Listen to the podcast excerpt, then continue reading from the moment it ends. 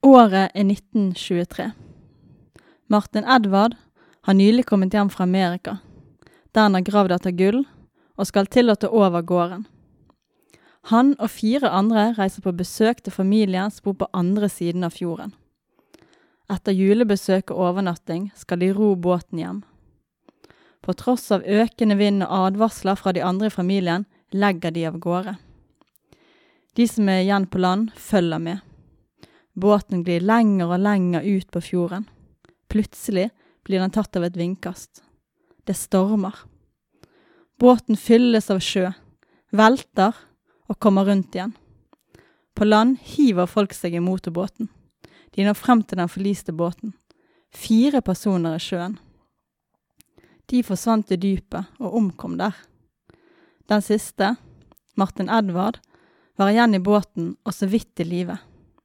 Men dessverre, han døde raskt, før legene kom. Jon Bjarne Martin og tvillingbror Edvard Karsten Normann ble oppkalt til minne om de fem som omkom i forliset på Storfjorden på Sunnmøre i 1923.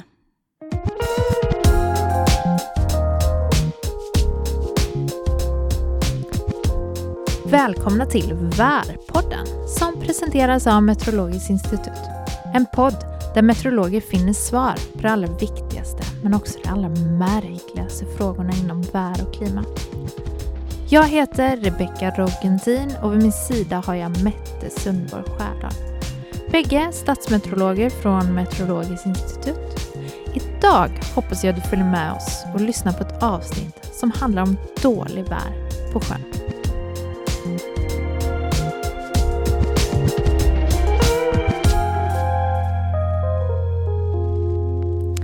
Hej Mette! Hei, hei, Rebekka.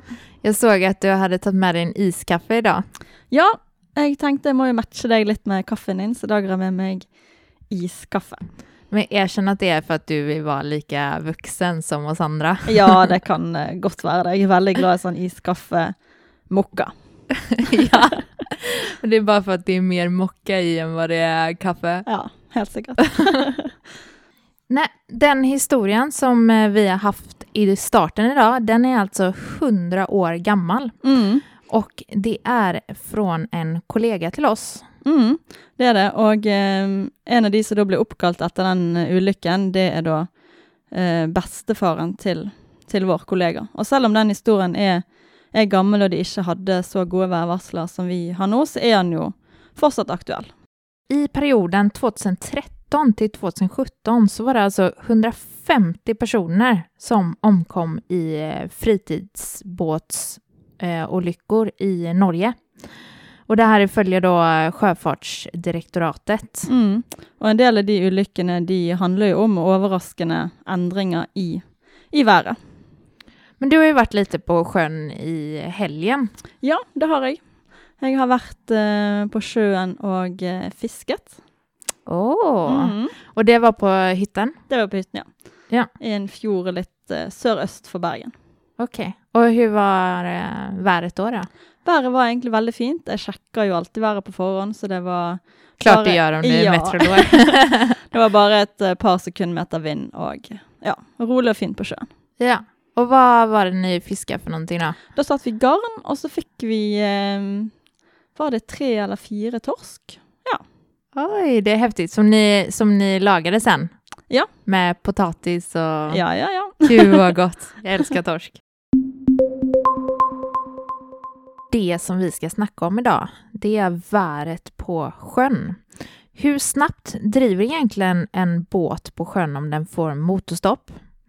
Och om du skulle ha olyckan att eh, ramla i vattnet, hur lång tid tar det till att man fryser ihjäl?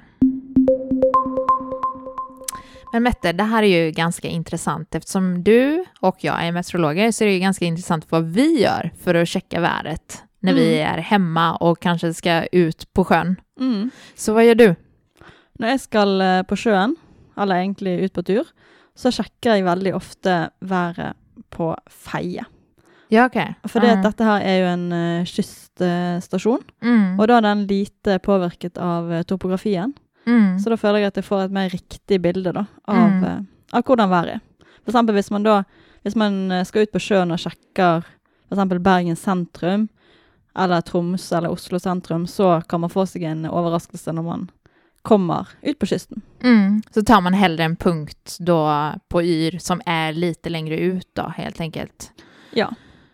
Eh, och, eh, men du sa inte alla vindriktningar, så var det inte att du checkade den punkten? Nei. Eh, Feie den eh, har jo på en måte åpent mot havet fra sør og nord og vest. Mm. Um, så hvis jeg da ser at det er f.eks.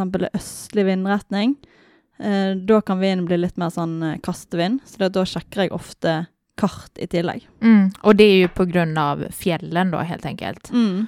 Att eh, vinden går över fjällen och så kan det bli lite mer eh, kastvindar i, eh, i vinden. Ja, så da får man ofte veldig sånn lokale effekter i fjorder og sånn, så da syns jeg det er greit å ha oversikten fra et kart. Mm. Och jag eh, eh, bor ju, eller jag bor inte, men mina föräldrar bor på en ö. Så eh, det är väl mest eh, när jag åker och hälsar på dem som jag är ute i båt och, och sånt där. Mm.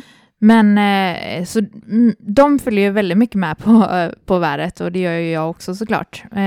Då brukar jag ju kanske kolla någon fyr som eh, är ute där, som kanske står lite längre ut än vad själva ön är då. Mm. Och sen har ju vi även en värdstation så man kan ju se vad, hur mycket vinden är just då. Eh, och sen eh, brukar jag också se på, på kartorna på YR för att få en hel, en mer överblick över vad som händer med väderläget. Ja, og jeg sjekker jo òg eh, farevarsler som er sendt ut. Eh, Meteorologisk institutt de sender jo ut eh, farevarsel om eh, sterk vind eh, langs kysten.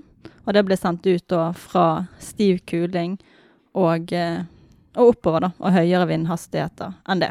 Ja, det brukar jag också kolla farevarsel då som är ute. För till exempel stiv kuling, då skulle ju inte jag vara ute i liten båt. Det Nej. känner jag blir lite för mycket. Nei, jeg tenker at eh, stiv kuling Altså veldig mange eh, vil nok oppleve at det er mye vind lenge før det. Mm. Ehm, så det selger egentlig bare i laber bris, altså syv meter per sekund. Så blir det faktisk eh, skumskavler på sjøen. Mm. Og ehm, det kan nok oppleves ganske ekkelt om man ikke er vant til den eh, situasjonen. Men det som är bra att vara klar över det är att eh, middelvind, det är ju ett genomsnitt på vinden över 10 minuter. Så när vi skickar ut farevarsel på sjön på, säg till exempel stiv kuling 15 meter per sekund på kysten, så är det alltså en middelvind, men då kan vi ha vindkast på högre än så. Ja, och så kan det òg være lurt att å sjekke bølgehøyden. For det at till exempel hvis det blåser fra nord, altså bølgene kommer fra nord, og strømmen kommer fra sør, så kan dette gi ganske sånn krappe bølger. Og det kan være vanskeligere å håndtere med båt enn om vind og, og strøm går samme vei. Men när man är ute på sjön och det är riktigt dåligt väder så vill man ju gärna då gå mot bölgerna med motorbåten. Men detta kan ju då, om man får motorstopp så kan man ju få stora problem med det. Mm. Eh, då får man ju, eller då mister man ju kontroll över båten, och man då kan få bølgen inn fra siden, som är mycket vanskeligere att hantera än om man har fronten mot bølgene. Och just eh, motorhaveri och dålig väg brukar ju hänga samman, eller det kan hänga samman, för det är smuts och sånt som sitter i rören som eh, rör sig upp av den här, här och sjögången som gör att motorn eh, kläggar igen. Men Rebekka, du fortalte meg jo her i sted at eh, for en stund siden så hadde du gjort noe som eh, ikke var så veldig lurt. Kan du fortelle litt om den små, pinlige episoden din? Det var inte för en stund sedan jag gjorde det, utan det var ändå tio år sedan. Nej, men det var lite pinsamt. Vi, vi hade lite bråttom och så skulle vi ut med en sån eh, liten båt då, som jag hade eh, tidigare, en liten motorbåt. Och sen så eh, la vi bara loss från bryggan. Alltså vi ja, släppte alla tampar. Ja. Eh, för att sen starta motorn när vi hade kommit ut på sjön. Det var ju det är inte smart. Man ska alltid starta motorn först och sen lägga loss. Ja. Nej, så vi bara la loss och sen så kom vi på, då när vi kom ut på sjön så kom vi på att eh, motorn inte gick att starta då. Så vi, vi drev ju några hundra meter till att vi förstod eh, att eh, slangen inte var i till motorn. Oj, oj, oj. så det var lite pinsamt, men nu vet jag det. Nu gör jag inte om det. Nej, det gör du inte. Men nu ska vi titta på hur rast en motorbåt faktiskt kan driva i eh, olika vindhastigheter, eller i en vindhastighet som vi har valt ut. Mm. Og um, objekter på sjøen de følger jo da gjerne strømmen, pluss da en viss prosentandel av eh, styrken av vinden.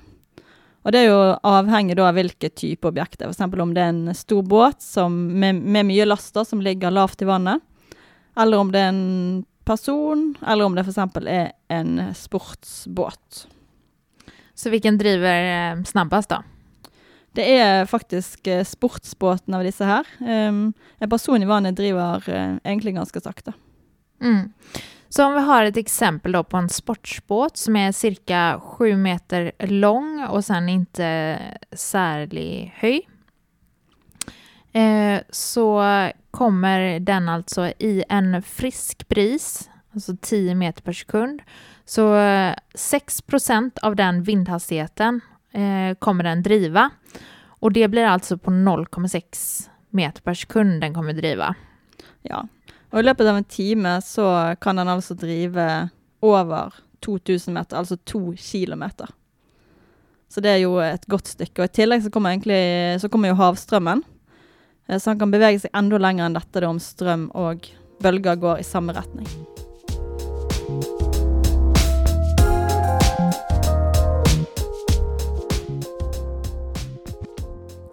Men om olyckan då är framme, om man faktiskt ramlar i vattnet eller båten tar in vatten, så ska man ju helst stanna vid båten. Ja, eh, för det att båten har ju ett stort eh, blickfång och det är mycket lättare att bli funnet eh, vid båten än, än i sjön. Om du faller i vattnet så är du ju utsatt för två faror. Du kan drunkna eller du kan frysa i hjel. Och det blir ju sådär när man eh, kommer i kallt vatten, det vet man ju själv när man tar sånt kallbad, Mm. att man, man, blir, så man börjar pusta mycket fortare och Ja, altså man får litt Eh. sånn ufrivillig pusting. Og man kan, det kan til og med være vanskelig å lukke munnen, da. Noe som gjør at eh, kaldt vann kommer inn i halsen, og det kan faktisk være starten på en drukning. Ja, så man kan ju rätt och slätt få en sån panikreaktion när man hamnar i vattnet. Och om man bara vet om att, man, att det är vanligt att man får en panikreaktion när man hamnar i vattnet så kan detta alltså eh, göra det lättare i en sån situation, att man bara vet om det helt enkelt. Ja, då är man lite mer förberett på att det kan komma. För det att man kan faktiskt eh, dö av det sjokket för man dør av en eventuelt nedkjøling. Men vi sa ju att man kan drunkna och man kan frysa ihjäl och eh, man kan ju ändå, om man har räddningsväst i alla fall, så kan man ju undgå att drunkna. Mm. Men då är ju frågan hur snabbt man kan frysa ihjäl. Ja. Og hvis man havner i vannet, så eh, er det egentlig lurt å ha på seg eh, varme klær, for det, det gjør at man blir eh, saktere nedkjølt. Og hvis man f.eks. har på seg en, en regnjakke, så kan det være lurt å tette eh, armene nede ved hendene, eh, stramme igjen, eh, sånn at man ikke får så stor sirkulasjon av vannet inni jakken. Så man vill ju helst, eh, man vill ju helst ligga i ro när man ligger i vattnet eh, eller lägga sig i en fosterställning som gör att inte vatten då kan strömma in under kläderna utan att det vattnet som är närmast kroppen håller sig i ro så att det kan värmas upp av kroppen eller vad man säger. Det kanske inte är det första man tänker på att man ska göra Nei, for det er jo egentlig litt motsatt av det vi er vant til eh, från fra luften. der vi beveger oss for å holde varmen. Men luften värms ju upp mycket snabbare och avkylls mycket snabbare också än vad vattnet gör. Vattnet har ju en eh, annan slags tröghet som gör att temperaturen då eh, inte lika raskt går upp och inte lika raskt går ner. Så som eh, kallaste månader i Norge så är ju det eh, februari och mars i vanntemperatur och eh, den varmaste månaden är då i augusti när solen har fått värma havet under hela sommaren. Mm. Og eh, siden oppvarmingen går eh, ganske langsomt i havet, så er faktisk eh, gjennomsnittstemperaturen i sjøen den er som regel høyere i oktober enn hva den er i mai. Ja, Ja. Det, och det kan ju vara, i maj kan det ju vara riktigt varmt också i luften som gör att man kanske blir sugen på att bada. Ja, och så är det egentligen väldigt kallt i sjön. Ja. Um, for sjøen den uh, varmes jo først og fremst opp av uh, sol. Det er den som, som, styrer styrken på oppvarmingen. Så sol fra klar himmel, uh, lite vind og lite strøm, det gjør at sjøtemperaturen stiger sakte, men sikkert. Och om man har mycket vind så skapar ju det mer eh, omröring i vattnet och det gör då att eh, temperaturen blir lavare så att vatten på en lägre nivå kan komma upp till ytan. Men, ja. Eh, men om vi har eh, mindre omröring på grund av vind då, i kanske skärmade områden i eh, skärgården så kan ju då vattnet vara varmare. Mm. Hvis man har vært og badet eh, en dag, og det har kjentes eh, ganske varmt, så tenker man at vi skal bade neste dag òg. Så hvis det da har blåst fralandsvind, altså blåst eh, fra land og mot sjøen, så blåser egentlig vind med seg det øverste sjølaget. Ta bort alt det varme og herlige ja, vannet. sånn at, og da stiger eh, kaldt vann opp, og eh, det kjennes mye kaldere neste dag. Ja, man kan ju känna lite så när man badar att det kommer någon sån lite kall ström ibland eh, långt nerifrån. ja, så uppvärmningen den dämpas ju ganska raskt nedover i vattnet. Men nu ska vi se hur snabbt det tar till att man eh, fryser ihjäl i olika temperaturer. Men då måste vi ha några reella exempel. Så om vi ser på sjötemperaturen i Norge, genomsnittliga sjötemperaturen för eh, till exempel Lindesnäs som ligger på kysten av eh, Västagder. Så i augusti månad så är det alltså en temperatur på 16 grader i vattnet. Och vid 16 grader så är det då um, mulig å være i vannet i cirka to timer før man blir bevisstløs. Og det er mulig å overleve i uh, cirka seks timer. Det är inte lång tid alltså. Nei, det er egentlig ikke det. Og så tenkte vi at vi òg skulle se litt um, lenger nord i landet. Uh, Andenes i uh, Nordland. I februar og mars så har den da en gjennomsnittstemperatur på én til uh, tre grader. Det är kallt. Det är väldigt kallt. och då, då tar det alltså 20, om man hamnar i sånt vatten så tar det alltså 20 minuter för att man blir eh, bevisstlös. Så det är väldigt kort tid och eh, cirka 60 minuter till att man dör. Ja, det är väldigt kort tid. Og før dette så kan man jo òg bli sånn sløv og likegyldig og miste mye av muskelkraften i kroppen. Avslutningsvis så vil vi si at uh, før man skal på sjøen, Sjekk værforholdet på Yr. Og DAB-kanalen NRK Vær den gir deg kystvarselet langs eh, hele norskekysten.